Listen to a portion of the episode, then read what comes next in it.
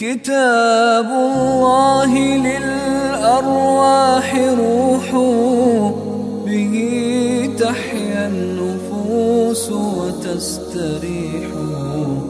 كتاب الله للأرواح روح به تحيا النفوس وتستريح. الحديث أحب أن أشير إلى مسألتين. المسألة الأولى سؤال سأله أحد الإخوة لعله من الحضور ربما في الدرس أو لعله من المتابعين له على الموقع. آه، يسأل ويقول أنني قلت في اللقاء السابق أن النحويين ينبغي أن يأخذوا القواعد من القرآن وليس العكس.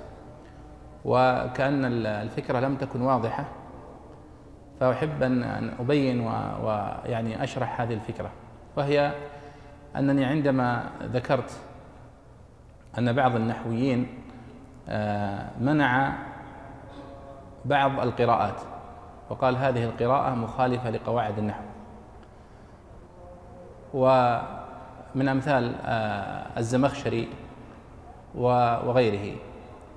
فالعلماء خطأوا هذه الطريقة وقالوا القرآن الكريم وقواعده وقراءاته هو الذي يحكم على قواعد النحو وليس العكس.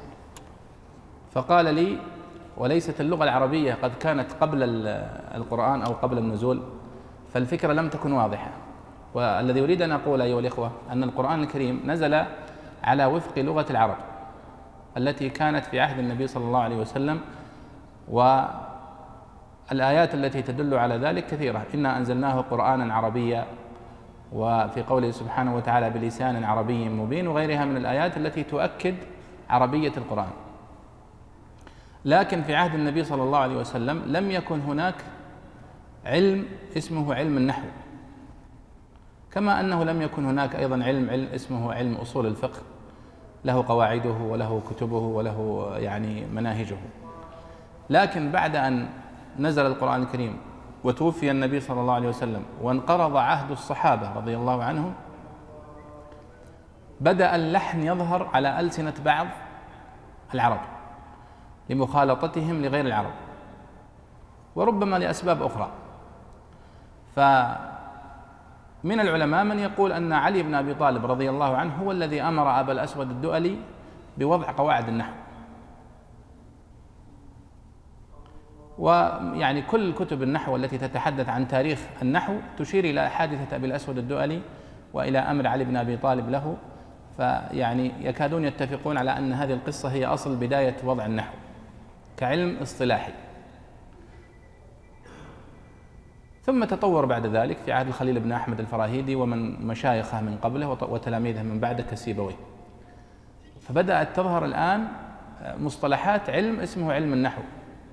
مصطلحات مثل ماذا؟ مثل الفعل الفاعل المفعول به النعت الحال الجملة الإسمية الجملة الفعلية ونحو ذلك. الجر مثلا الجر مصطلح. فنقول مثلا هذا اسم مجرور بحرف الجر وعلامة جره الكسرة مثلا. الجر في اللغة هو السحب. أما الجر في اصطلاح النحويين فهو خفض آخر الكلمة. وقس على ذلك بقية المصطلحات مثل الهمز مثلا والتنوين والإدغام والإقلاب والإظهار كلها هذه مصطلحات نحوية ظهرت متأخرة. فجاء بعض بعض قواعد النحو مثلا على سبيل المثال من قواعد النحويين التي يعني يرون أنها من القواعد الصحيحة أنه لا يجوز عطف الاسم الظاهر على المضمر. هذه قاعدة عندهم. لا يجوز عطف الاسم الظاهر على المضمر. فلما جاءوا إلى قوله سبحانه وتعالى واتقوا الله الذي تساءلون به والأرحام. وهذه قراءة حمزة. قالوا أخطأ حمزة. ليش؟ قالوا لأنه عطف الاسم الظاهر وهو الأرحام على المضمر وهو الهاء في به. واتقوا الله الذي تساءلون به والأرحام. قراءة حفص واتقوا الله الذي تساءلون به والأرحام. ما في مشكلة.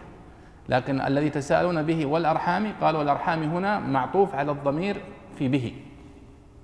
قال النحويون أخطأ ابن حمزة في هذه القراءة. طيب حمزة الآن هل جاء بهذه القراءة من عند نفسه؟ الجواب لا. وإنما هو ينقلها كما أخذها عن من أخذها عن النبي صلى الله عليه وسلم. إذا نقول هذه القاعدة. نقول أخطأ النحويون في قولهم بأنه لا يجوز عطف الاسم الظاهر على المضمر. والصحيح أن هذه أن هذا الأسلوب أسلوب صحيح وأنه يجوز عطف الاسم الظاهر على المضمر بدليل قراءة حمزة. لأن القراءة الصحيحة هي التي تحكم على القواعد وليس العكس. وهناك شواهد شعرية كثيرة تثبت جواز عطف الظاهر على المضمر. فالذين قالوا وقعدوا هذه القاعدة مخطئون. أرجو أن تكون هذه الفكرة واضحة. أن الذي يعني الصحيح هو القراءات وما قعده النحويون. إذا خالف ما صح في القراء في القراءات ولو كانت من القراءات الشاذة فإنه يرد هذا القول النحوي.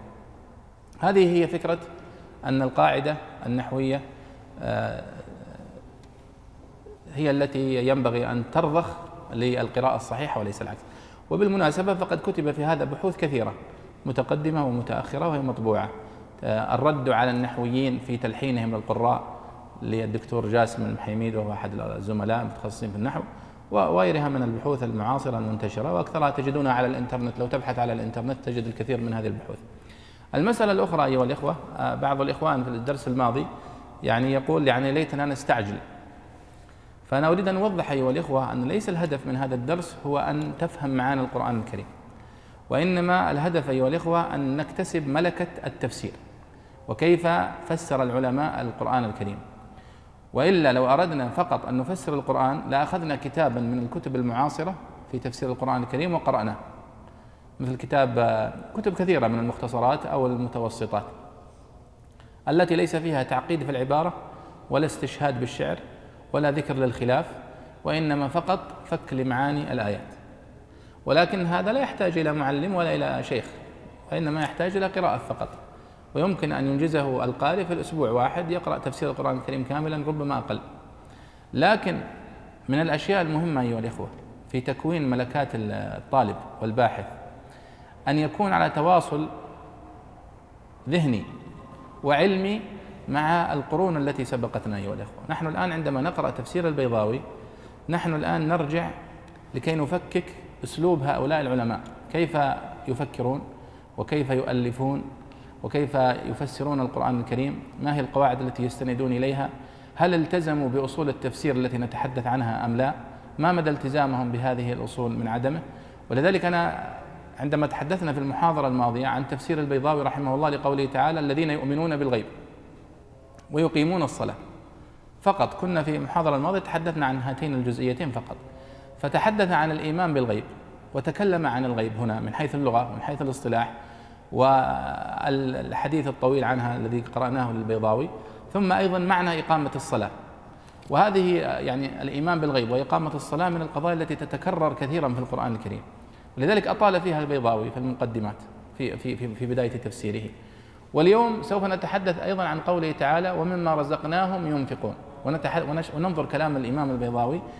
وأيضا أتيت لكم بكتاب ابن كثير تفسير ابن كثير حتى أشير إلى مسألة وهي مسألة قضية الالتزام بأصول التفسير. ولماذا نفضل العلماء المتأخرون تفسير ابن كثير على غيره؟ لأنه أكثر التزاما بالأصول التي تكلم عنها المفسرون. كما تكلم عنها شيخ الإسلام ابن تيمية رحمه الله في مقدمة في أصول التفسير. وأن جودة التفسير وتميز المؤلف وإمامة المؤلف تظهر في مثل هذه القضايا وهي مدى التزامه بأصول التفسير ومدى قربه أو بعده منها. آه، هاتان المسألتان أردت أن أنبه إليهما بين يدي درس اليوم ولعلنا نبدأ بإذن الله في قراءة آه، يعني درسنا اليوم ومما رزقناهم ينفقون. اقرأ يا سعد. ومما رزقناهم ينفقون. قال الإمام البيضاوي رحمه الله الرزق في اللغة الحر قال تعالى وتجعلون رزقكم أنكم تكذبون. والعرف خصصه بتخصيص الشيء بالحيوان للانتفاع به وتمكينه منه.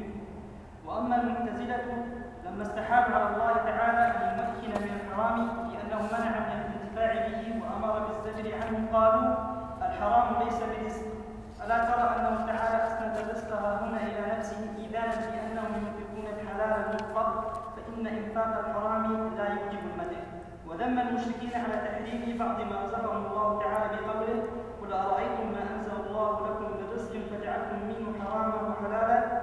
وأصحابنا جعلوا الإسناد للتعظيم والتحريض على الإنفاق والذم لتحريم ما لم يحل واختصاص ما رزقناهم بالحلال للكريم وتمسكوا بشمول الرزق له بقوله صلى الله عليه وسلم في حديث عمرو بن قرة لقد رزقك الله طيبا فاخترت ما حرم الله عليك من رزقه مكان ما أحب الله لك من حلاله. وبأنه لو لم يكن رزقا لم يكن المتلذذ به طول عمره مرزوقا. وليس كذلك لقوله تعالى وما من دابة في الأرض إلا على الله رزقها. طيب. يكفي هذا سعد؟ آه، انظروا البيضاوي الآن يتحدث في قوله تعالى ومما رزقناهم ينفقون فيبدأ في تفسيره كما مر معنا كثيرا يتحدث عن غريب القرآن. فكأن المدخل إلى فهم هذه الآيات هو المدخل اللغوي وهذا غالب على تفسير البيضاوي رحمة الله عليه. فيقول هنا الرزق في اللغة الحظ قال تعالى وتجعلون رزقكم أنكم تكذبون والعرف خصصه بتخصيص الشيء بالحيوان للانتفاع به وتمكينه منه. اولا تعريف الرزق في اللغة بأنه الحظ. لاحظت أنه ممن انفرد به الإمام الرازي في كتاب التفسير الكبير.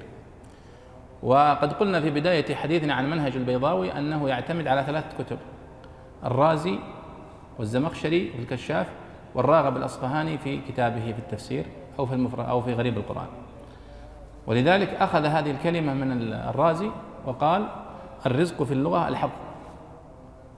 ثم استشهد بقوله تعالى وتجعلون رزقكم أنكم تكذبون.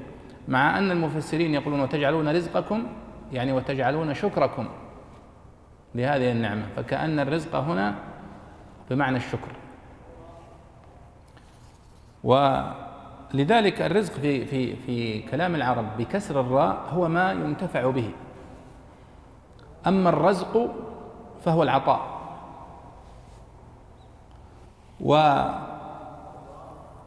والإمام الرازي ذكر هذا القول أنه الحظ وإن كان يدخل دخولا كأن ما يعطاه الإنسان هو من حظه ومن نصيبه فيدخل. ولكن لا لم أجد في المعاجم أن الرزق بمعنى الحظ لغة. طيب. إذا هذا هو المدخل الأول قضية غريب القرآن. وهذا يؤكد أيها الإخوة أن غريب القرآن وإتقان الغريب هو خطوة مهمة جدا في إتقان التفسير.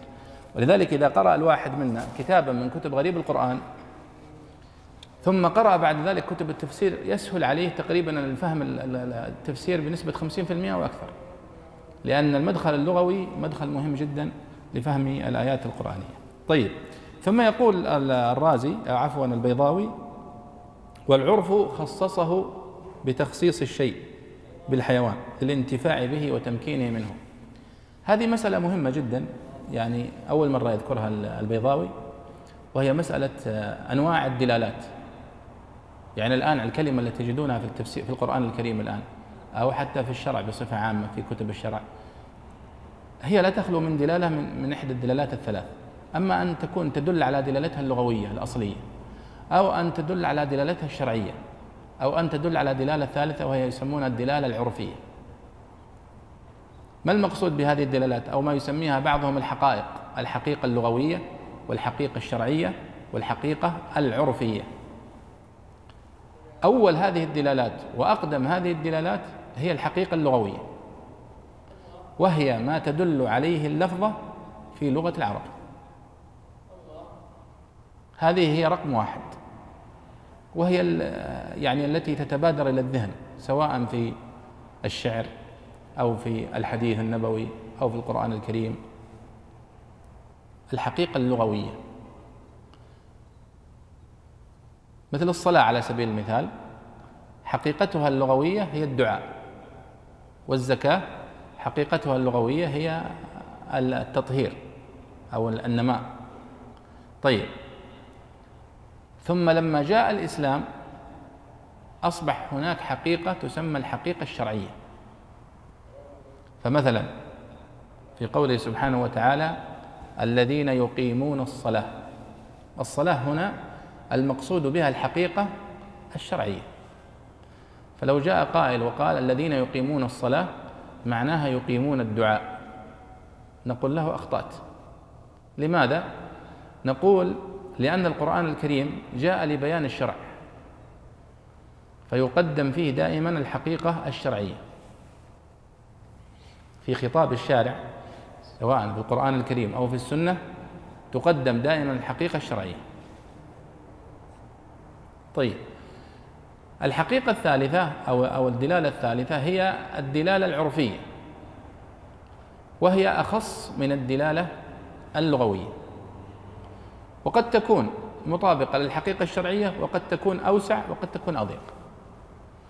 وهي التي أخذوا منها القاعدة الفقهية المشهورة التي تقول العادة محكمة والعرف محكم والعرف في الشرع له اعتبار لذا عليه الحكم قد يدار. فمثلا على سبيل المثال لو قال رجل لزوجته أنت طالق. لا ينط... لا يعني يفهم يفهم من الطلاق هنا الحقيقة العرفية وهي حل وثاق النكاح. لكنه لو قال أنا والله أقصد آه، يعني حل الوثاق الخيط كانت مربوطة زوجته وقال أنت طالق يعني محلولة الوثاق. قلنا لا معلش هنا يحمل على المعنى العرفي والمعنى الذي اعتاده الناس.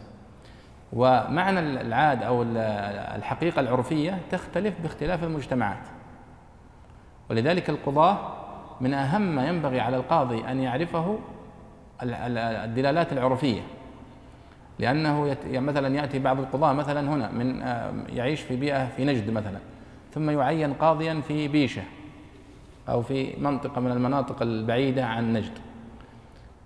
ولهم عرف لغوي يتعارفون عليه في حدود البلاد وفي حدود الأراضي وفي آه، مسميات القضايا ونحوها ينبغي عليه أن يتعرف على هذا العرف حتى إذا تحاكم إليه الناس لا يقع في مطبات كما يعني هي معروفة كثيرة في الحكايات القضاة قديما وحديثا أنه ربما يعبر أصحاب البلد بتعبير هو سائق لكنه يفهم منه هو معنى آخر ويعني يقاس على ذلك غير القضاة من المحامين والأطباء وغيرهم. فإذا هي هذه الثلاث الدلالات أيها الإخوة الدلالة اللغوية والدلالة العرفية والدلالة الشرعية. وإذا وردت اللفظة في خطاب الشارع في القرآن أو في السنة فإنها تحمل على الحقيقة الشرعية. فإذا دل دلالة قرينة أو سياق أو نحوها على أن غير مراد الحقيقة الشرعية فينتقل إلى الحقيقة اللغوية. مثال ذلك وصل عليهم إن صلاتك سكن لهم. قال المفسرون وصل عليهم أي ادعو لهم. لماذا صرفوا هذه الآية بالذات إلى معنى الدعاء دون معناها الشرعي وهي الصلاة المعروفة؟ قالوا لأن النبي صلى الله عليه وسلم نفذ ذلك فقال اللهم صل على آل أبي أوفى. ينفذ هذه الآية. فعرفوا أن المقصود بها الدعاء وليس المقصود بها الصلاة. وإن لم يعني تدل على الحقيقة العرفية أو الشرعية فتعود إلى العرفية. طيب. إذا هذا هو معنى قول البيضاوي هنا والعرف خصصه بتخصيص الشيء. يعني الآن الرزق يقول هو الحظ ولكن العرف خصص الرزق تخصيصا عرفيا. قال والعرف خصصه بتخصيص الشيء بالحيوان للانتفاع به وتمكينه منه. فكأنه يرى أن الرزق هنا ليس المقصود به مطلق الحظ وإنما ما ينتفع به من آه من من أنواع الرزق ويؤكل مثل الحيوان ونحوه. طيب وأما المعتزلة هنا تأتي قضية أخرى استطراد عند البيضاوي. هل هي من التفسير؟ من صلب التفسير في الحقيقة ليست كذلك. لكن لأن التفسير أيها الإخوة هو مجال مجال للفقيه يتوسع في بعض مسائل الفقه ومجال للأصول يتوسع في بعض قواعد الأصول ومجال للنحو يتوسع في في خلافات النحويين. وكل واحد من المفسرين يجر الكلام إلى الميدان الذي يتقنه. كما يقولون عن الإمام ابن فارس رحمه الله وكان لغويا بارعا وكان مشاركا في بقية العلوم صاحب مقاييس اللغة. قالوا فكان يناظر بعض العلماء فلا يزال به حتى يستجره إلى ميدان اللغة في فيغلبه لأنه متمكن هو من من هذا الميدان. كذلك أبو حيان الغرناطي رحمه الله مع أن تفسيره من أوسع التفاسير المت... التي تناولت آيات الأحكام والفقهيات في الأحكام إلا أن هناك أيضا جانب غلب عليه كان ظاهرا جدا وهو جانب النحو. لأن أبا حيان الغرناطي رحمه الله كان نحويا بالدرجة الأولى قبل أن يكون أي شيء آخر. ولذلك أصبح كتاب البحر المحيط مرجعا في النحو. وذكر الخلافات بين الكوفيين والبصريين حتى أن في بعض المسائل توسع في البحر المحيط ما لم يتوسع في شرح التسهيل. الذي شرح فيه التسهيل ابن مالك وهو أوسع الشروح. تجد أنه في كتابه البحر المحيط ناقش المسألة بتوسع أكثر من مناقشته لها في كتابه شرح التسهيل. ولذلك أصبح الطابع الغالب على تفسير البحر المحيط هو النحو. ومثله في ذلك البسيط للواحدي فالجانب النحوي بارز جدا فيه. حتى إنه يعني لو لو حققه نحويون في قسم النحو ربما كان التحقيق أجود من تحقيقه في قسم القرآن وعلوم. والقرطبي رحمه الله بالرغم من أن تفسير القرطبي موسوعي أيضا تناول النحو واللغة والقراءات إلا أن الفقه قد غلب عليه لأنه أنشأه لهذا الاستنباط من الآيات وذكر مذاهب الفقهاء فيها. وغلب عليه الجانب أو الفقه المالكي حتى إنه أصبح الجامع لأحكام القرآن مع أنه كتاب تفسير من أبرز مراجع المالكية في الفقه والأقوال التي يحكيها القرطبي في تفسيره تعتبر من الأقوال المعتمدة عند المالكية في الفقه وهو كتاب تفسير. وقس على ذلك آه، حتى التفاسير المتأخرة غلب صاحبه أو غلب فنه عليه. مثل على سبيل المثال تفسير ربما ما هو مشهور عند كثير من من الإخوان وهو تفسير آه، الجواهر الذي صنفه الجوهري آه، رحمه الله في نسيت حتى اسم العنوان الكتاب. الكتاب موسع جدا مؤلفه ألفه ربما عام 1360 هجرية. وملأه. طبعا في مقدمة في أول ما يذكر الآيات يذكر تفسير المفسرين خلاصة كلام المفسرين فيه كلام ابن كثير وابن جرير وغيرهم من أئمة التفسير يعني حتى يبين المعنى. ثم يبدأ هو في تفسير الذي أنشأ من أجله الكتاب وهو ربط ايات القرآن بالمكتشفات العصرية. فيتحدث يعني على سبيل المثال لو تراجعون التفسير في تفسير سورة النمل. تجدون أنه قد استطرد في ذكر النمل. وأورد فيه ربما آه، مقالتين مطولتين من آه، جريدتين بريطانيتين. تتحدث عن خصائص النمل وصفات النمل وكيف يعيش النمل وكيف يبني بيوته النمل وكيف يتصرف في الأزمات وكيف يخزن قوته وكيف يتعامل. يعني كلام مطول عن النمل من أفضل ما تقرأ. وأيضا جاء بصور للنمل. وأتصور أن لو يطبع الكتاب طبعه يعني جديدة وترفق الصور بشكل ملون لكان الكتاب من أروع ما يكون. لكنه كان صادما للرأي العام العلمي في ذلك الوقت. عندما ولذلك صدر أمر هنا في السعودية بمنع دخول الكتاب إلى السعودية في عهد الملك عبد العزيز. لأنه يعني رأوا أنه نمط مختلف من التفسير. وإن كان في نهاية المطاف هو يعني لم يزد على حتى نفس منهج الطبري منهج القرطبي ومنهج أبي حيان في أنه استطرد في الجانب الذي يتقنه هو وهو هو كان بالمناسبة مدرس علوم أو مدرس كيمياء ربما. فرأى أن هذا الجانب جانب مغفل في فهم القرآن. يعني مثلا وأوحى ربك إلى النحل أن اتخذي من الجبال بيوتا ومن الشجر ومما يعرشون ثم كلي من كل الثمرات. هذه الآية معروف واضح معناها يعني أن الله سبحانه وتعالى يتحدث عن أن الله يعني هدى النمل أو عفوا النحل إلى هذا الطريقة والناس يتعاملون مع النمل بشكل يعني عادي. لكن هو عندما جاء إلى هذه الآية جاء بذكر خلايا النحل وأنواعها وطريقة هجرة النحل وتعاملها مع بعض والملكة وما الملكة. القصة المعروفة في في الأحياء. يعني في البيولوجي ويتحدثون عن النحل في كتب يعني مستقلة في علم الأحياء وعلم يعني كيف تتصرف هذه الأمم. طبعا عندما تقرأها لا شك أنها تزيدك يعني ايمانا بقدرة الله سبحانه وتعالى وكيف خلق الله هذه المخلوقات. هي توسيع لهذا المعنى لا أقل ولا أكثر. كونه أدخلها في صلب كتاب وسماه كتاب تفسير يعني ما الذي يمنع من ذلك؟ هي مسألة تنظيمية بحتة يعني.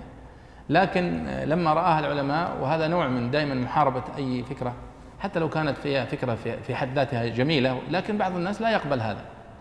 لا يقبل هذا. تماما مثل المسجد هنا تخطيط الصفوف عندما تضع خط خاص بكل صف. هذه فكرة حوربت يعني بشكل كبير جدا لأنها فيها نوع من الخروج عن المألوف يعني وتبقى الصفوف دائما تشوفها كأنها. لكن جاءت الفكرة بداية نذكر زمان كانوا يأتون بخيط ثم الآن أصبحت يعني تعتمد في المفروشات نفسها. وانتهت القضية. وهكذا يعني فكرة الشيخ الجواهري على كل حال نعود إلى استطراد البيضاوي هنا في في قوله تعالى ومما رزقناهم. يأتي الآن يتحدث عن موضوع ليس مكان كتب التفسير في الحقيقة وهو ما المقصود بالرزق. هناك فيه اختلاف بين المعتزلة وبين بقية يعني المذاهب أهل السنة من الشافعية وأهل السنة والجماعة غيرهم. المعتزلة يرون أن الرزق ما ينتفع به وليس للغير المنع منه. هذا تعريف المعتزلة للرزق. فيرون أن الحرام ليس برزق. فما يأكله الإنسان من الحرام لا يدخل في الرزق عند المعتزلة. في حين أن آه، أهل السنة والجماعة يرون أن أن لفظ الرزق لفظ مجمل. فينظر إذا كان ما يعني مما أباحه الله وملكه لك فهو حلال. وإن كان غير ذلك فهو رزق ولكن محرم. ولذلك يحملون هذه الآية في قوله سبحانه وتعالى ومما رزقناهم ينفقون على ما أحله الله لك وما أباحه لك. فإن لا يمدح الإنسان بأنه ينفق مما حرمه الله. ثم إن مثل هذه الآية لا تؤخذ بمفردها وإنما تجمع مع غيرها من الآيات حتى يفهم المعنى الصحيح لها وهذا مهم جدا في أصول التفسير. لا تأتي وتنتزع الآية من سياقها ومن الآيات الأخرى وتأخذ بها مفرده. ولذلك على سبيل المثال في قوله سبحانه وتعالى يا أيها الذين آمنوا لا تقربوا الصلاة وأنتم سكارى حتى تعلموا ما تقولون. هذه الآية دلالتها أنه يجوز لك أن تشرب الخمر ولكن بحيث لا يأتي وقت الصلاة وأنت ما زلت تحت تأثير هذه الخمر. نعم هذه دلالة الآية.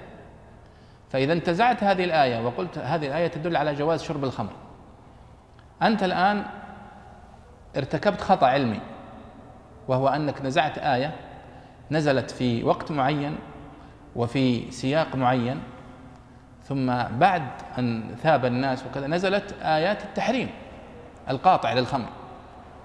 في قوله سبحانه وتعالى في سورة المائدة يا أيها الذين آمنوا إنما الخمر والميسر والأنصاب والأزلام رجس من عمل الشيطان فاجتنبوه. خلاص كلمة فاجتنبوه أمر مجرد عن القرائن يدل على الوجوب. فخلاص حرمت الخمر بهذه الآية. أما الآيات التي سبقتها لم تكن صريحة في تحريم الخمر. لو جاءك شخص وقال هذه الآيات السابقة مثلا تدل على جواز شرب الخمر. صحيح أنا ما أعارض هذا. كما في قوله في سورة البقرة ويسألونك عن الخمر والميسر قل فيهما إثم كبير ومنافع للناس. أيضا هذه الآية لا تدل على التحريم. فكذلك هذه الآية وغيرها من الآيات حتى آيات الصلاة. فرضية الصلاة ليست مأخوذة من آية واحدة فقط. فرضية الزكاة ليست مأخوذة من آية واحدة فقط وإنما هي مجموعة آيات ومجموعة أحاديث خاصة أصول الإسلام لا تأتي بأمر واحد وإنما تأتي بمجموعة من الأوامر وأحاديث النبي صلى الله عليه وسلم وفعل النبي صلى الله عليه وسلم ويعني آه، الأمة كلها مجمعة على هذه القضايا. ولذلك عندما أحيانا يأتي بعضهم يجادل في آية معينة ويطيل فيها نقول له تعال أنت أرجع هذه المتشابهات إلى المحكمات الموجودة في القرآن الكريم والسنة يتضح لك الأمر. فالذي يريد الحقيقة ويريد العلم سترجع سيرجع. والذي لا يريد إلا المجادلة والمشاكسة هذا لا يقنعه شيء. هنا يقول البيضاوي وأما المعتزلة لما استحالوا على الله تعالى أن يمكن من الحرام لأنه منع من الانتفاع به وأمر بالزجر عنه قالوا الحرام ليس برزق. ألا ترى أنه تعالى أسند الرزق ها هنا إلى نفسه إيذانا بأنهم ينفقون الحلال المطلق فإن إنفاق الحرام لا يوجب المدح. هذا صحيح استدلال صحيح فعلا. إذا نظرت أن مما رزقناهم ينفقون أي مما أحل الله لهم وأباحهم وأباحوا لهم فأنفقوا منه لكن ليس هذا دليلا على أن ما كان حراما ليس برزق وذم المشركين على تحريم بعض ما رزقهم الله تعالى بقوله قل أرأيتم ما أنزل الله لكم من رزق فجعلتم منه حراما وحلالا. وأصحابنا هنا يقول البيضاوي وأصحابنا جعلوا الإسناد للتعظيم والتحريض على الإنفاق والذم لتحريم ما لم يحرم. طيب. نحن قلنا أن البيضاوي اعتمد على الزمخشري. اعتماد كبير جدا. ولذلك أنا لولا لولا أني لا أريد أن أطيل عليكم في الحديث وفي الشرح لقرأت لكم كلام الزمخشري. في مقابل كلام البيضاوي. تجدون أن البيضاوي كأنه كان يعني وهو يكتب مجرد يقرأ كلام الزمخشري ثم يحاول أن يعبر عنه بعبارة أخرى. أحيانا يعبر بعبارة أضيق من عبارة الزمخشري. ولا يوصل المقصود وأحيانا يوفق فعلا في استبعاد بعض القضايا. وأحيانا ينقل معتزليات الزمخشري وهو لا يشعر. وهذا الحقيقة يعني من من القضايا التي اشتهرت. يعني الزمخشري كم من واحد جاء بعد الزمخشري وكان هدفه نزع اعتزاليات الزمخشري. فقليل منهم من نجح في هذا.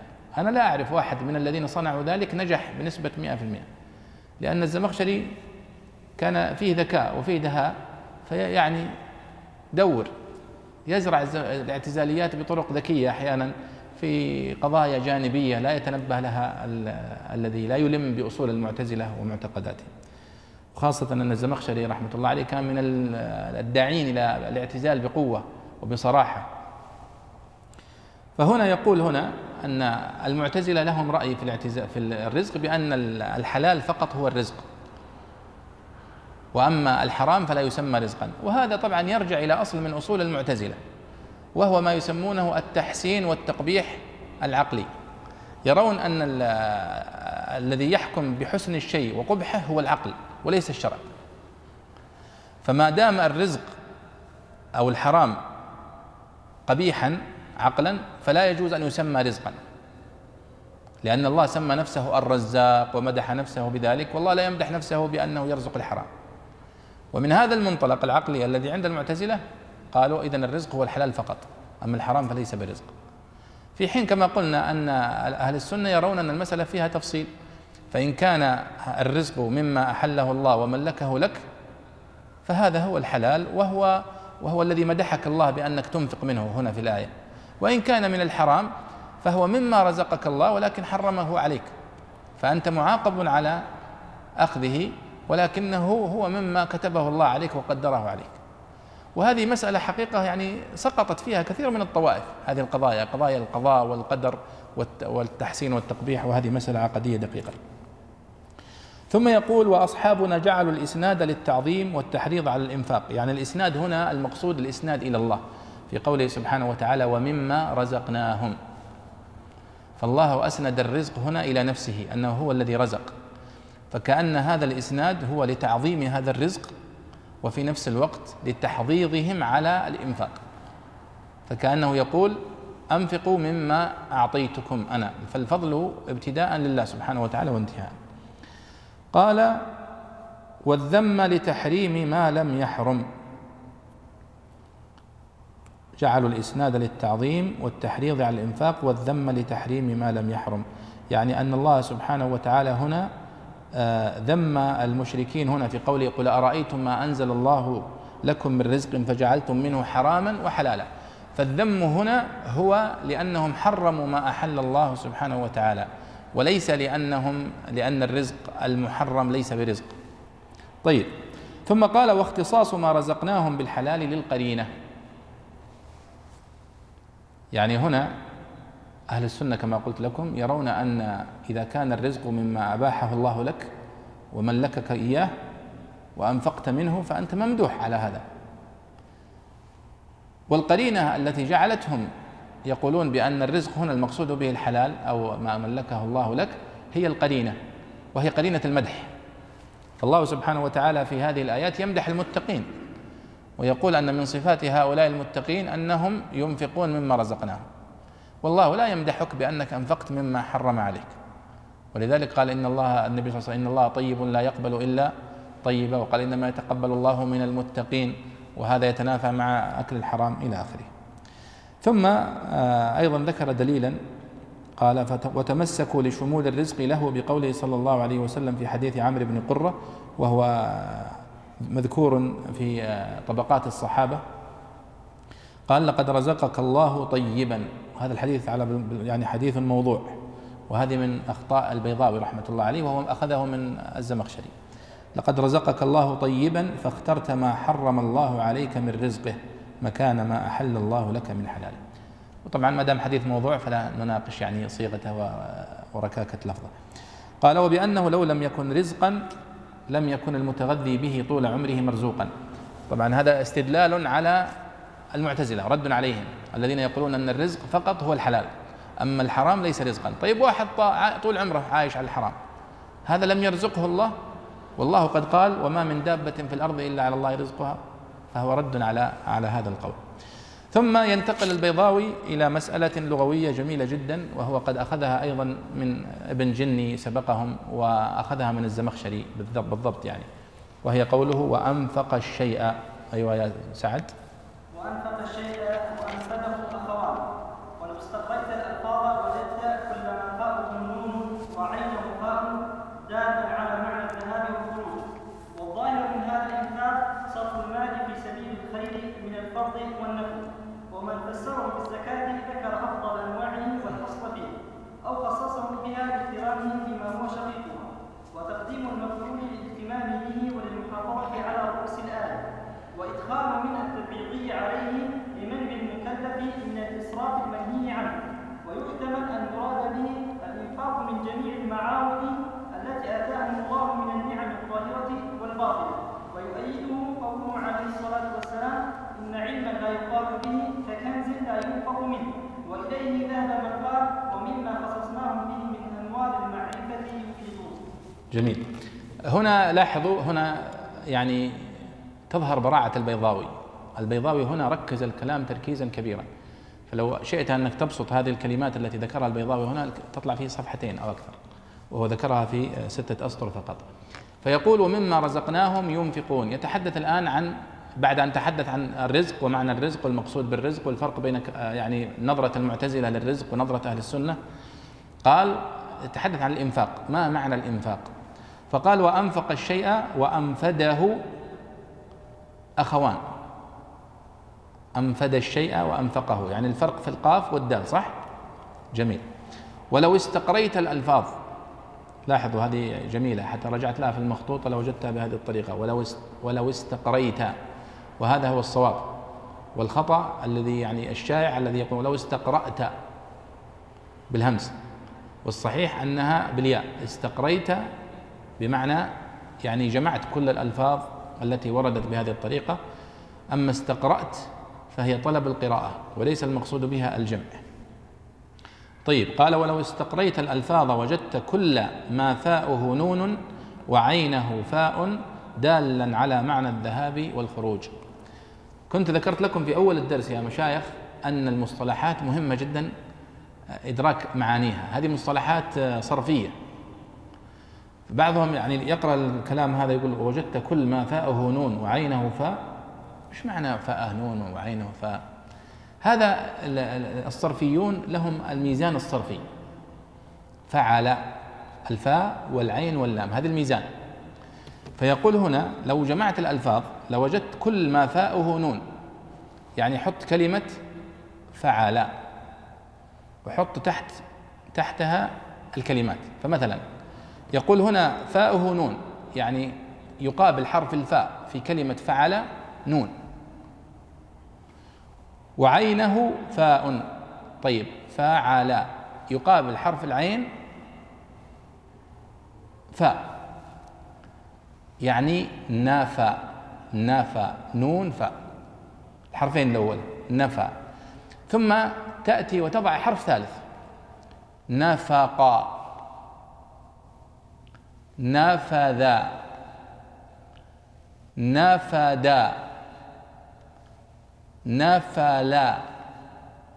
نافها القاعدة هذه قاعدة جميلة جدا في أصل التركيب اللغوي. وهذه من أول من أذكر أن قرأت له فيها ابن فارس الرازي صاحب مقاييس اللغة. ووجدت إشارات أيضا لابن جني في كتابه الخصائص. وهذه مسألة فيها خلاف بين اللغويين الأولين. هل أصل الاشتقاق هو الثنائي ولا ثلاثي؟ نحن دائما نقول الثلاثي المجرد في الصرف نقول الثلاثي المجرد ضرب وقتل و ونرى أن الثلاثي المجرد هو الأصل. فمثلا مدرسة. مدرسة مأخوذة من إيش؟ من درس صح؟ درس الثلاثي. هذا هو الذي نعرفه ودرسناه وتعلمناه وهو الشائع لكن هناك مدرسة أخرى تقول لا ما هو صحيح. الصحيح أن الأصل ثنائي وليس ثلاثي. أصل التركيب. وهناك كتاب جميل جدا بحثت عنه في مكتبتي وهو عندي من يمكن عشرين سنة اسمه ثنائية اللغة. كتاب جميل جدا ثنائية اللغة والدلالة. يرى يبني في يدرس فيه فكرة أن أصل الدلالة هي ثنائية مثل ما يقول البيضاوي هنا. عندما يقول وأنفق الشيء وأنفده أخوان يعني نفس الدلالة. ولو استقريت الألفاظ وجدت كل ما فاؤه نون وعينه فاء دالا على معنى الذهاب والخروج. يعني يقول تعالوا الآن. يلا حطوا نون وفاء. وجيبوا 28 حرف. ركبوها في هذه الكلمة. نفى نفب نفت نفث نفر نفق نفد نف يلا. وشوفوا أنها تشترك كلها في أصل الدلالة. ولكن الحرف الثالث يغير الدلالة شوية يزيد ينقص زي كذا. وأعطيكم مثال أذكر المثل هذا ذكره ابن فارس وذكره ابن ابن جني وهو قا طا ع القاف والطاء. قال القاف والطاء والحرف الثالث تدل على القطع لكن يختلف. فإذا قلت قا طا فا قطف قطف. لكن نحن نستخدم قطف في ماذا؟ قطف الثمرة صح؟ قطف الوردة. لكن هل أحد يقول مثلا آه، قطف الحديد مثلا؟ قطف الحديد ما تجي. لكن نقول قط الحديدة. تجي الطاء مشددة قط. ولذلك جاء في الحديث حتى تقول قط قط صح؟ حتى بالإنجليزي كت كت وفيها يعني واحد اسمه علي فهمي خشيم وهو من علماء ليبيا. له في هذا كتب يتحدث عن أصل اللغة ويتكلم عن أصل اللغة العربية هي أصل اللغات كلها. فمثلا قط بمعنى القطع. وباللغة الإنجليزية كت قطع. ويقول إن هذه أصل كت هي قط. ولها طبعا أمثلة كثيرة جدا. وابن جني وابن فارس يذكرون هذه الفكرة قطع. فيقول القاف والطاء وما يثلثهما للدلالة على الإبانة والقطع. لكن إذا كان حديدا قلنا قطع أو قطع. فإذا قلت مثلا قطف سار للثمار ونحوها فإذا قلت قطم قطم يعني شيء فيه إبانة مثل مثلا الصلب مسمار صلب ولا شيء زي كذا قلنا قطم. وقس على ذلك. يلا أضيفوا للقاف والطاء أي حرف؟ قطف وقطم وقطل قطل. حتى قطل يقول أنها تستخدم في الحديد القوي جدا قطل. وهذه نظرية ممتازة جدا أشار إليها البيضاوي هنا. ربما الراكب أو القارئ المستعجل ما يتنبه إلى أن البيضاوي هنا يشير إلى نظرية لغوية متكاملة مؤلف فيها كتب وسبق إليها العلماء العربية قديما وهي من أفضل ما يعينك على فهم حتى دلالات غريب القرآن نفسه. يعني الآن لو واحد من الباحثين جاء إلى الكلمات التي ينطبق عليها هذا ال هذا ال أو هذا الضابط وجاء وجمع كل الألفاظ اللي في القرآن الكريم التي تشترك في الدلالة العامة. فتتفق في الحرفين الأولين الفاء والعين وأما ما يثلثهما تختلف. مثل نفد ونفق موجودة في القرآن الكريم. مثلا ما نفدت كلمات الله آه، وكذا. وأيضا هنا نفق. لو جمع بس هذه الألفاظ ثم أخرجها في رسالة صغيرة. هذه ستوفر على الباحث في غريب القرآن. يعني كأنه يعني جزء من غريب القرآن جمعه لهم في هذه الرسالة. طيب إذا هذه مسألة. ولذلك يقول هنا المحشي قال مثل نفد ونفذ ونفر ونفس ونحوه ولعل هذا في جميع الكلام فكل كلمة اتفقت في الحرفين الأولين مع غيرها واختلفت في الأخير كانت بمعنى متقارب. فهذه الكلمات تفيد إلى آخره. وهذا هو التعبير الصحيح أن يقال أنها يكون معناها متقارب وليس متطابق. طيب. ثم يقول البيضاوي والظاهر من هذا الإنفاق الذي أمر الله به في الآية والظاهر من هذا الإنفاق صرف المال في سبيل الخير من الفرض والنفل. ومن فسره بالزكاة ذكر أفضل أنواعه والأصل فيه أو خصصه بها لاقترانه بما هو شقيقها. هذه مسألة مهمة جدا.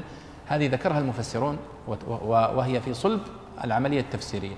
ومما رزقناهم ينفقون هل هذا يقصد به الزكاة المفروضة؟ أو يقصد به الإنفاق النفل؟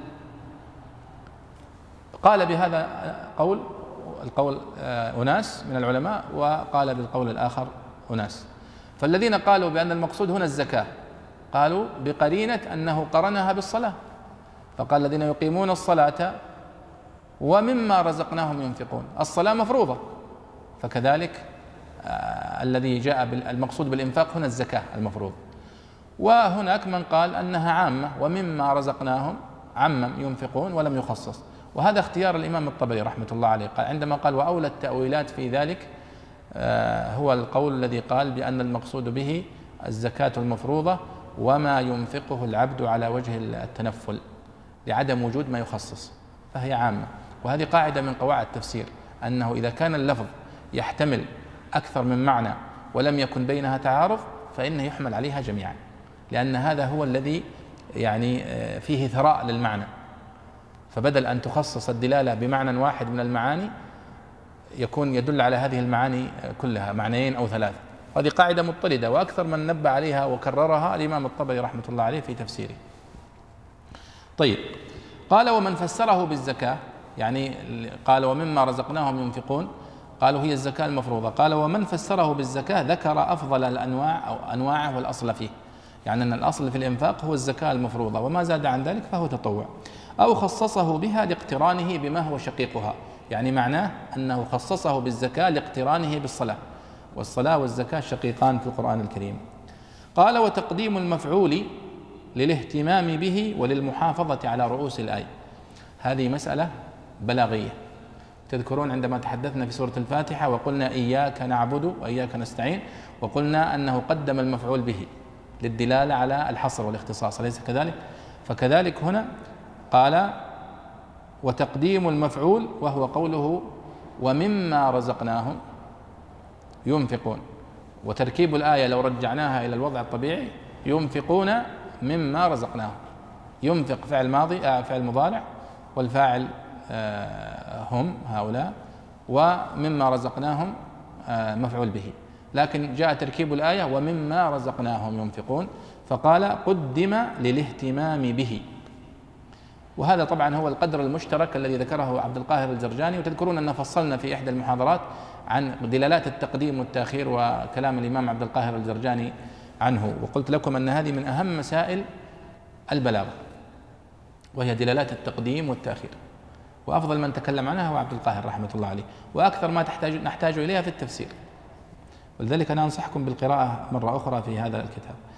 قال وللمحافظة على رؤوس الآية. هذه آه هذا تعليل يذكره العلماء من من القدماء والمتأخرين وهو أن المحافظة على رأس الآية مقصد من مقاصد آه من مقاصد القرآنية.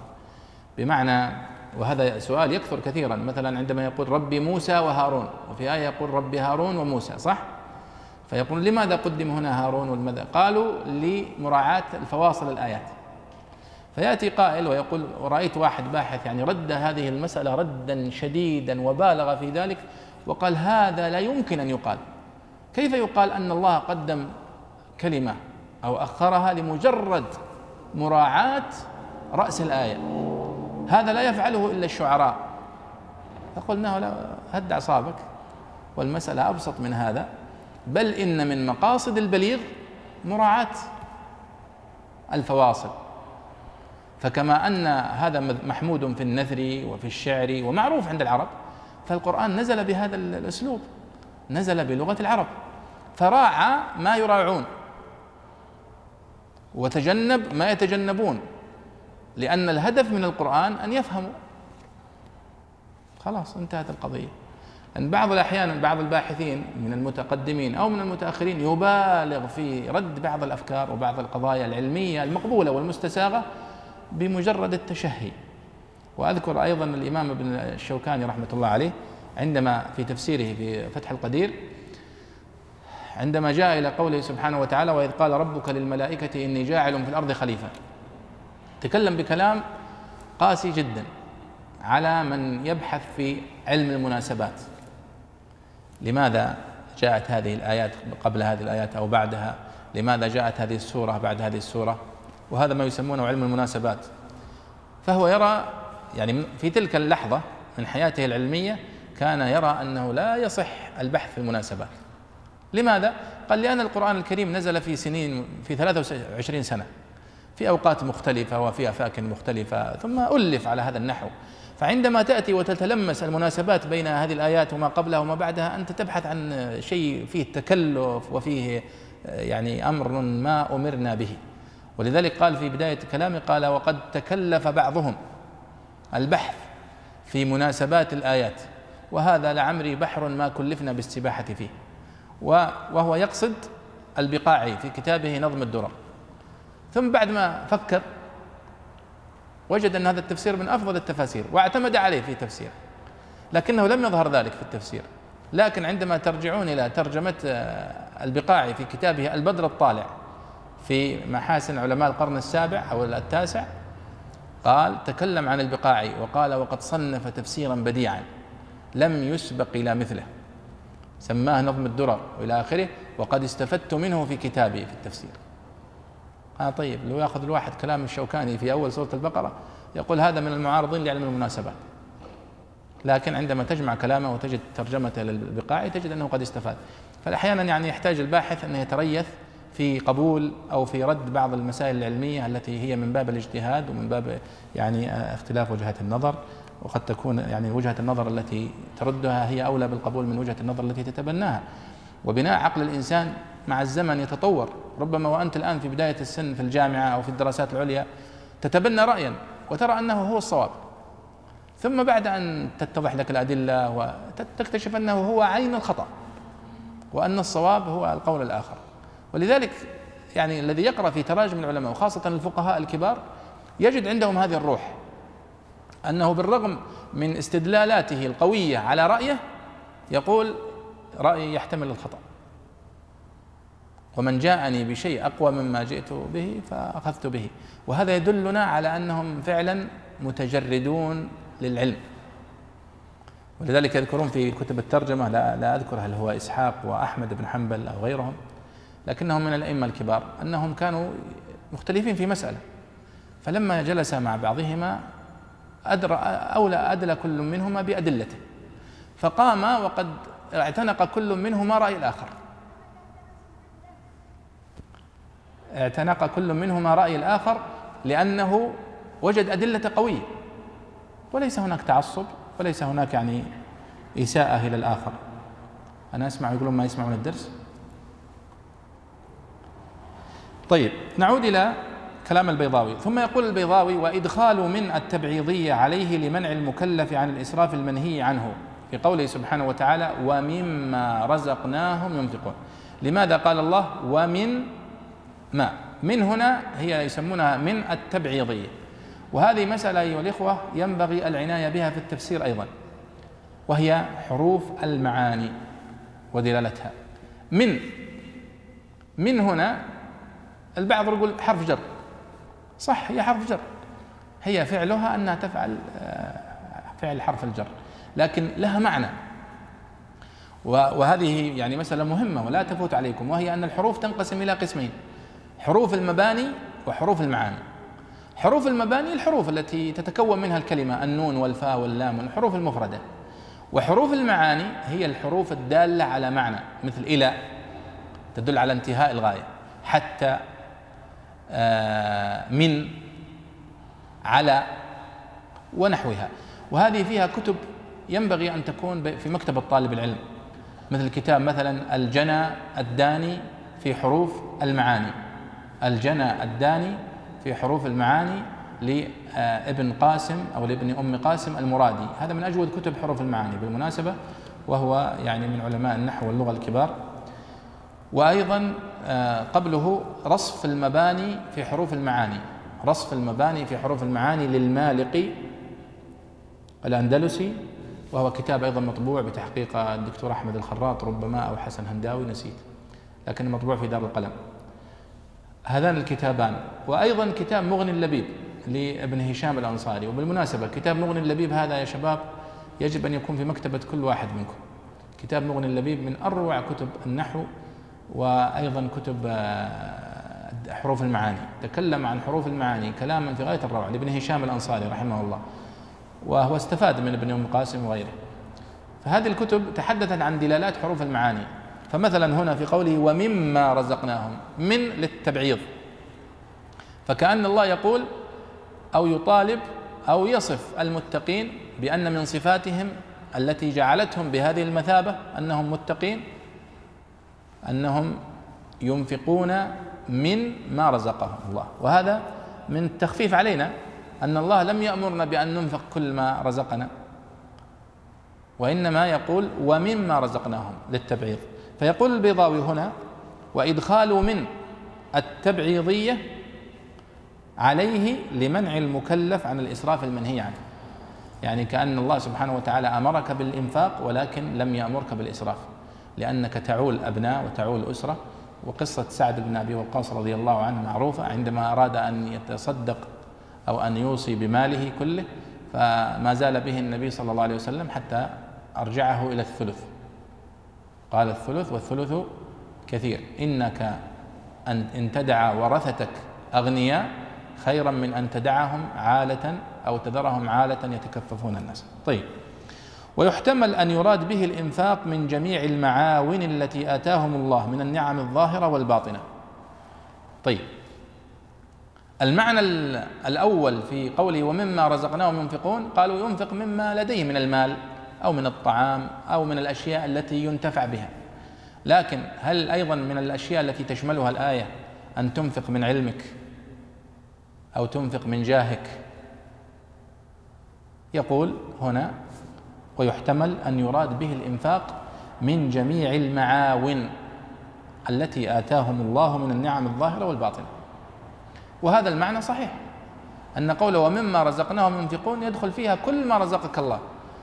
رزقك الله جاها فأيضا تنفق منه. ورزقك مالا تنفق منه. ورزقك طعاما يعني فيدخل فيه كل هذا. ويستدل قال ويؤيده قوله عليه الصلاة والسلام إن علما لا يقال به ككنز لا ينفق منه. وهذا الحديث أخرجه الطبراني في الأوسط وفيه كلام طويل خلاصته أنه يعني آه، حديث حسن كما ذكر المحقق. قال وإليه ذهب من قال ويجيب لك طبعا الطبع البيضاوي ما يترك كلام الصوفية. تذكرون أننا تحدثنا عنه في بعض الله فيقول وإليه ذهب من قال ومما خصصناهم به من أنوار المعرفة يفيضون. وهذه مصطلحات الصوفية. تذكرون تحدثنا عن العارف والعابد والمريد من مصطلحات الصوفية فهذه أيضا من مصطلحات الصوفية. نتوقف الأذان يا فضيلة الشيخ. تؤذن؟ باقي دقيقتين. ممتاز. يعني كأنه يقول هنا أن أيضا الإنفاق هنا يشمل ما يكتسبه العبد من أنوار المعرفة. وأنوار المعرفة عند الصوفية يعني هي فوق العلم الذي نعرفه نحن الذي يكتسب اكتسابا ويدخلونك في قضايا اللدنية وأنوار المعرفة وما يفيضه المريء أو العارف على المريد من أنوار المعرفة. وهذه مسألة يعني هي تدخل في الحقيقة. كل ما ينفقه الإنسان من جاهه أو من ماله أو من علمه أو من دعائه حتى. وأنت تدعو لأخيك فأنت تنفق مما رزقك الله سبحانه وتعالى. قد تكون مستجاب الدعوة ف فيصيب أخاك من الفضل ومن الخير ما يكون يعني أجره لك. كلها تدخل. لكن طبعا التفسير الصوفي يغرب أحيانا ويدخل في قضايا لا دليل عليها كما مر معنا في في كلامهم عن العارف والعابد. وقلنا أن هذه تقسيمات في باب العبادة. وباب العبادة باب توقيفي عندنا. ما نتعبد لله سبحانه وتعالى إلا بأشياء توقيفية. لكن هم لا دخلوا في الأشياء التوقيفية وهي العبادة وأخذوا يفصلون فيها تفصيلات ويذكرون فيها مقامات ويقولون هذا مريد وهذا عابد وهذا عارف وكلها في باب العبادة وباب العبادة باب توقيفي ولذلك قلنا كلها تقسيمات باطلة لا لا دليل عليه. فهذا الذي يجعلنا نرد مثل هذه العبارات الصوفية التي يدخلها البيضاوي أحيانا. وهناك تفاسير كما تعلمون بنيت على هذه المصطلحات مثل تفسير القشيري ومثل يعني جزء كبير من تفسير الألوسي رحمه الله وهو كتابه روح المعاني. يعني بعد أن ينتهي من تفسير المعروف يأخذ راحته ويتحدث في التفسير الصوفي في مثل هذه القضايا ويفصل في بعض الجوانب. لعلك تكمل يا سعد. والذين يؤمنون بما أنزل إليك. والذين يؤمنون بما أنزل إليك وما أنزل من قبلك هم مؤمنون أهل الكتاب كعبد الله بن سلام رضي الله تعالى عنه وأضرابه معطوفون على الذين يؤمنون بالغيب داخلون معهم في جملة المتقين دخول تحت أعم إذ المراد بأولئك الذين آمنوا عن شرك وإنكار وبهؤلاء مقابلون فكانت الآيتان تفصيلا للمتقين وهو قول ابن عباس رضي الله عنهما أو على المتقين وكأنه على وكأنه قال هدى للمتقين عن الشرك والذين آمنوا من أهل الملل. ويحتمل أن يراد بهم الأولون بأعيانهم. ووسط العاطف كما وسط في قوله إلى الملك القرب وابن الهمام وليث الكتيبة المزدحم وقوله يا لهب ذؤابة للحارث الصائح والغانم فالآية على معنى أنهم جامعون بين الإيمان بما يدرك العقل جملة والإتيان بما يصدقه من العبادات البدنية والمالية وبين الإيمان بما لا طريق إليه عبر السمع. وكرر موصولة به على تبايع القبيلين وتبايع السبيلين. الطائفة منهم وهم مؤمنون أهل الكتاب. ذكر عن عن الجملة كذكر جبريل وميكائيل بعد الملائكة تعظيما لشأنهم وترغيبا لأمثالهم والإنزال نقل الشيء من الأعلى إلى الأسفل. طيب. لحظة سعد خلينا نأخذ الجزء الأول أولا. آه، يقول البيضاوي هنا والذين يؤمنون بما أنزل إليك وما أنزل من قبلك. قال هم مؤمنو أهل الكتاب كعبد الله بن سلام رضي الله تعالى عنه وأضرابه وعبد الله بن سلام هو صحابي جليل أسلم عند قدوم النبي صلى الله عليه وسلم إلى المدينة المنورة كما تعلمون وتوفي في عهد وفي خلافة عمر بن الخطاب رضي الله عنه. آه، أو عفوا ويعني شهد مع عمر بن الخطاب فتح بيت المقدس. وتوفي آه، فيما يعني ذكر أهل التراجم سنة 43 هجرية ففي قوله والذين يؤمنون بما أنزل إليك يا محمد وما أنزل من قبلك يعني من النبوات من يدخل فيها عبد الله بن سلام. هو آمن بما أنزل إلى النبي صلى الله عليه وسلم وآمن بما أنزل إلى موسى ومن قبل. هذا دخول واضح. وقال وأضرابه يعني ومن شابهه في ذلك. قال معطوفون على الذين يؤمنون بالغيب داخلون معهم في جملة المتقين دخول أخصين تحت أعم. يعني في قوله سبحانه وتعالى هدى للمتقين الذين يؤمنون بالغيب ويقيمون الصلاة ومما رزقناهم ينفقون والذين يؤمنون بما أنزل إليك وما أنزل من قبلك. لا شك أن هذه هي صفات ما زالت صفات للمتقين في الآية التي سبقتها. وقوله ومما يعني في قوله هنا آه والذين يؤمنون بما أنزل إليك وما أنزل من قبلك هذا خصوص. هذا الإيمان بما أنزل إليك وما أنزل من قبلك هو يدخل تحت الإيمان بالغيب الذي ذكر قبل قليل. عندما وصفهم الله فقال الذين يؤمنون بالغيب. طيب وش هو الغيب؟ الغيب هو الإيمان بالله والإيمان بالملائكة والإيمان بالأنبياء السابقين. هذه كلها بالنسبة لنا غيب. لكنه فصل فقال والذين يؤمنون بما أنزل إليك وما أنزل من قبلك. طيب هم هذا يدخل تحت الغيب؟ قال نعم صح.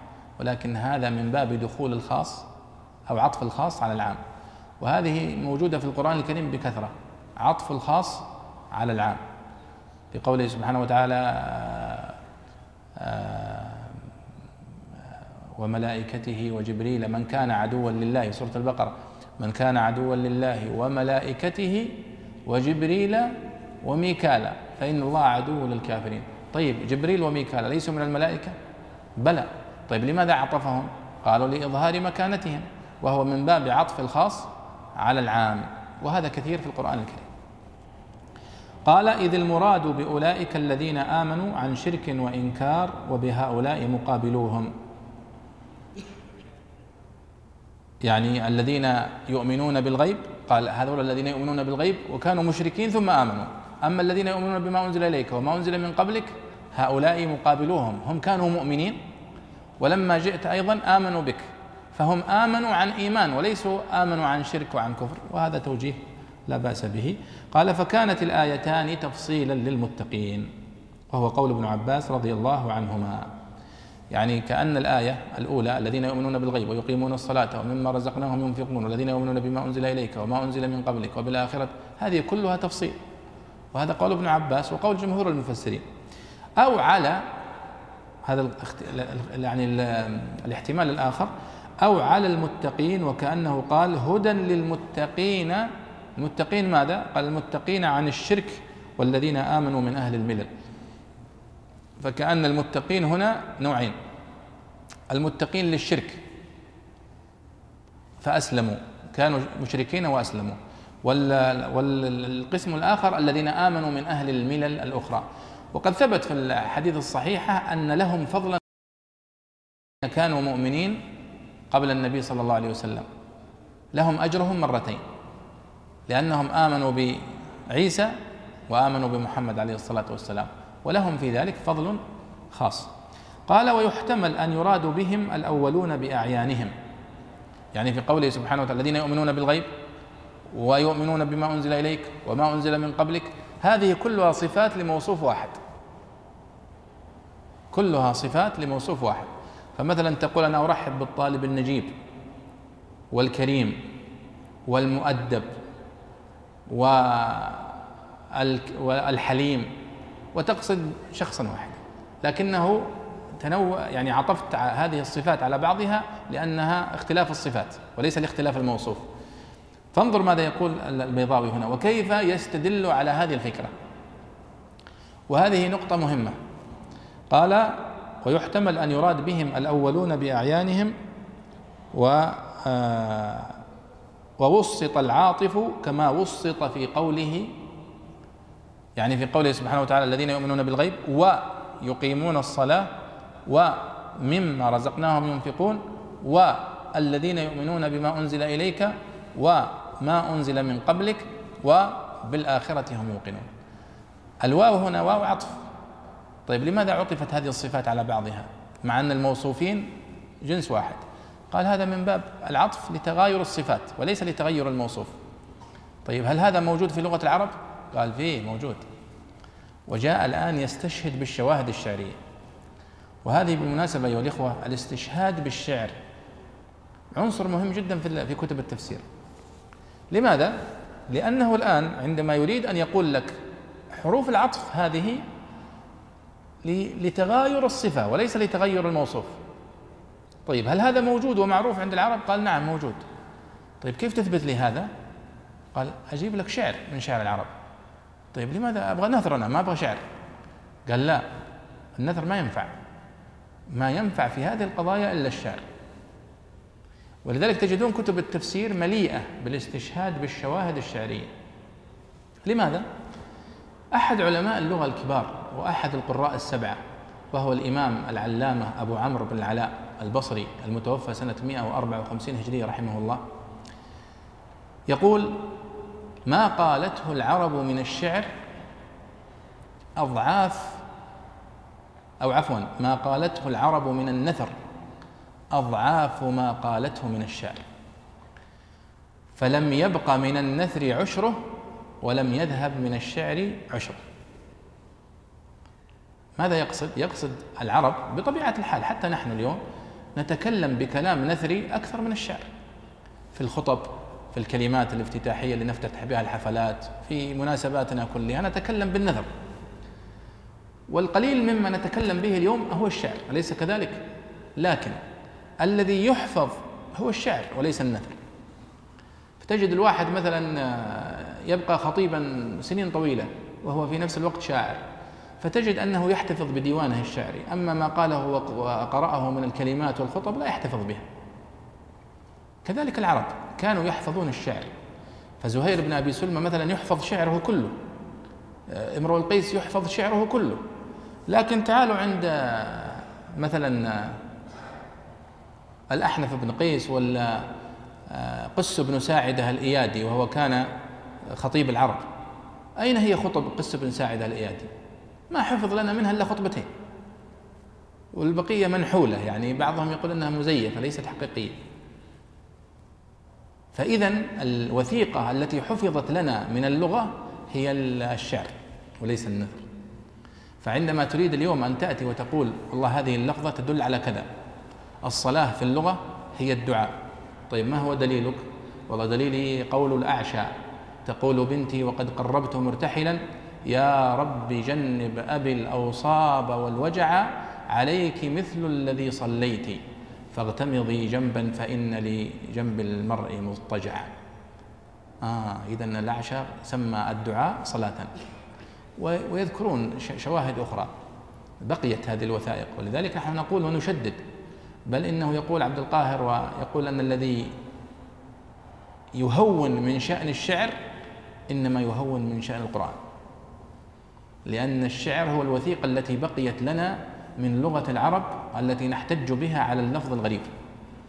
ولذلك يقول آه، ابن الأنباري في كتاب إيضاح الوقف والابتداء في كتاب الله عز وجل قال وقد لامنا قوم فقالوا إنكم تجعلون الشعر حاكما على القرآن عندما أقول الآن والله الدليل على هذه اللفظة الغريبة وعلى معناها هو قول امرؤ القيس كذا وكذا أو قول زهير كذا وكذا. فأن فنحن جعلنا اللغة أو الشعر حاكما على القرآن. قالوا ليس الأمر كذلك. ليس الأمر كذلك. وإنما نحن نتبين معنى اللفظ الغريب بالشعر. كما يذكرون في قصة عبد الله بن عباس رضي الله عنه مع نافع بن الأزرق عندما جاءه وهو في صحن الكعبة والناس يأخذون عنه التفسير. فقال لصاحبه نجدة بن عويمر العجلاني من هذا الشاب؟ قال هذا عبد الله بن عباس ابن عم رسول الله صلى الله عليه وسلم. فلما جلس إليه فإذا بيتدفق في التفسير وفي فقال له ابن عباس إني سائلك عن كلمات من القرآن وأريدك أن تأتي بمصادق ذلك من لغة العرب. فمثلا ما معنى قول الله تعالى في سورة المعارج عن اليمين وعن الشمال عزين؟ قال العزون حلق الرفاق. يعني وأنت جالس مثلا على المكتب هذا ويتحلق الرفاق حولك حلقة حلقتين ثلاث. قالوا هذه عزون. ومنه بالمناسبة الكلمة العامية العزوة. قال وهل تعرف العرب ذلك؟ قال نعم. أما سمعت قول عبيد بن الأبرص وهو شاعر جاهلي من بني أسد وجاءوا يهرعون إليه حتى يكونوا حول منبره عزينا. يعني حلقا. وما زال نافع بن الأزرق يسأل ابن عباس وهو يجيبه. حتى أوصلها السيوطي إلى 160 سؤال. وكنت تكلمت عن هذه المسائل بتفصيل في كتابي الشاهد الشعري أن يعني جزء أصل هذه المسائل صحيح وثابت ولكن هناك زيادات كثيرة من بعض المتأخرين حتى أن فيها أحيانا نوع من البكش إن صح التعبير لأنهم جاءوا بشواهد قال ابن عباس ما سمعت قول الشاعر؟ وجاء بأبيات لبشار بن برد المتوفى 169 أو 170 هجرية. لكن أصل هذه المسائل صحيح خاصة الشواهد الإسلامية والشواهد الجاهلية. فأقول يعني انظروا إلى البيضاوي هو يسلك مسلك ابن عباس في, في هذا عندما يقول آه ووسط العاطف كما وسط في قوله إلى الملك القرم وابن الهمام وليث الكتيبة في المزدحم. وقوله يا لهف وهذه بالمناسبة سعد يعني قراءة الشاهد الشعري هو يقول يعني مكتوب عندك غلط حتى في في تفسير البيضاوي. والصحيح أنه يقول يا لهف زيابة للحارث الصابح فالغانم فالآيب. قراءة الشعر والشواهد أحيانا تحتاج إلى نوع من الرجوع إلى الدواوين. لأنك تأخذ الشاهد موجود. يعني مثلا على سبيل المثال الشاهد الموجود هنا وموجود في تفسير الطبري وموجود في تفسير الزمخشري شاهد مفرد. إلى الملك القرم وابن الهمام وليث الكتيبة في المزدحم لا يوجد له سابق ولا لاحق. ولذلك تحتاج حتى تفهمه إلى عناء. فهو يقول أنه يصف شخصا واحدا إلى الملك القرمي وابن الهمام هو نفسه وليث الكتيبة في المزدحم هو نفسه فوصفه بثلاث صفات وكانت الواو هنا من باب عطف الصفة على الصفة وإن كان الموصوف واحدا. ثم أيضا ذكر الشاهد الآخر وهو آه، شاهد مشهور آه، يعني اختلف في نسبته فبعضهم نسبه إلى عمرو بن الحارث وبعضهم إلى عمرو بن لأي بن شاس وبعضهم إلى سلمة بن ذهل. لكن هذه مسألة تجدونها في كتب التفسير. تجد أن الشاهد مجهول. ما يعرف من هو قائله لكن يحتج به لأن المفسرين يتفقون على أنه لشاعر جاهلي. فما دام هذا الشاهد لشاعر جاهلي ما يضرنا جهل قائله لأن العصر الذي قيل فيه عصر احتجاج. لكن المشكلة عندما يكون التردد بين نسبته إلى شاعرين شاعر يحتج به وشاعر لا يحتج به. نقول هذا يسقط الاحتجاج به مباشرة. لكن عندما يكون مجهول النسبة ولكن يتفق على أنه لشاعر يحتج به في العصر الجاهلي فتمشي الأمور يعني. آه أيضا من الأشياء التي تعينك على قراءة الشاهد الشعري قراءة صحيحة أنك تعرف الأبيات التي قبله والأبيات التي بعده. فمثلا هذا الشاهد الذي ذكره البيضاوي يا لهف زيابة للحارث الصابح فالغانم فالآيب هي يقول والله لو لاقيته خاليا لآب سيفانا مع الغالب. يا لهف زيابة للحارث الصابح فالغانم فالآيب. والشاهد فيه هو هذا العطف كما قلنا العطف الصفات والموصوف واحد. وهذا هو الذي يقصده البيضاوي. ولذلك قال البيضاوي ونختم بها قال على معنى أنهم الجامعون بين الإيمان بما يدركه العقل جملة الذين يؤمنون بالغيب والإتيان بما يصدقه من العبادات البدنية والمالية يعني ويقيمون الصلاة ومما رزقناهم ينفقون. ثم قال والذين يؤمنون بما أنزل إليك وما أنزل من قبلك قال وبين الإيمان بما لا طريق إليه عبر السمع. الإيمان بما أنزل إليه. وكرر الموصول في قوله الذين يؤمنون بما أنزل إليك وما أنزل موصول هو ما هنا الموصول. وكرر الموصول تنبيها على تغاير القبيلين وتباين السبيلين أو طائفة منهم وهم مؤمن أهل الكتاب ذكرهم مخصصين عن الجملة كذكر جبريل وميكائيل بعد الملائكة تعظيما لشأنهم وترغيبا لأمثالهم. نكتفي بهذا أيها الإخوة. ونكمل في اللقاء القادم إن شاء الله وأنتم على خير وصلى الله وسلم على سيدنا ونبينا محمد وعلى آله وصحبه أجمعين. كتاب الله للأرواح روح به تحيا النفوس وتستريح. كتاب الله للأرواح روح به النفوس وتستريح.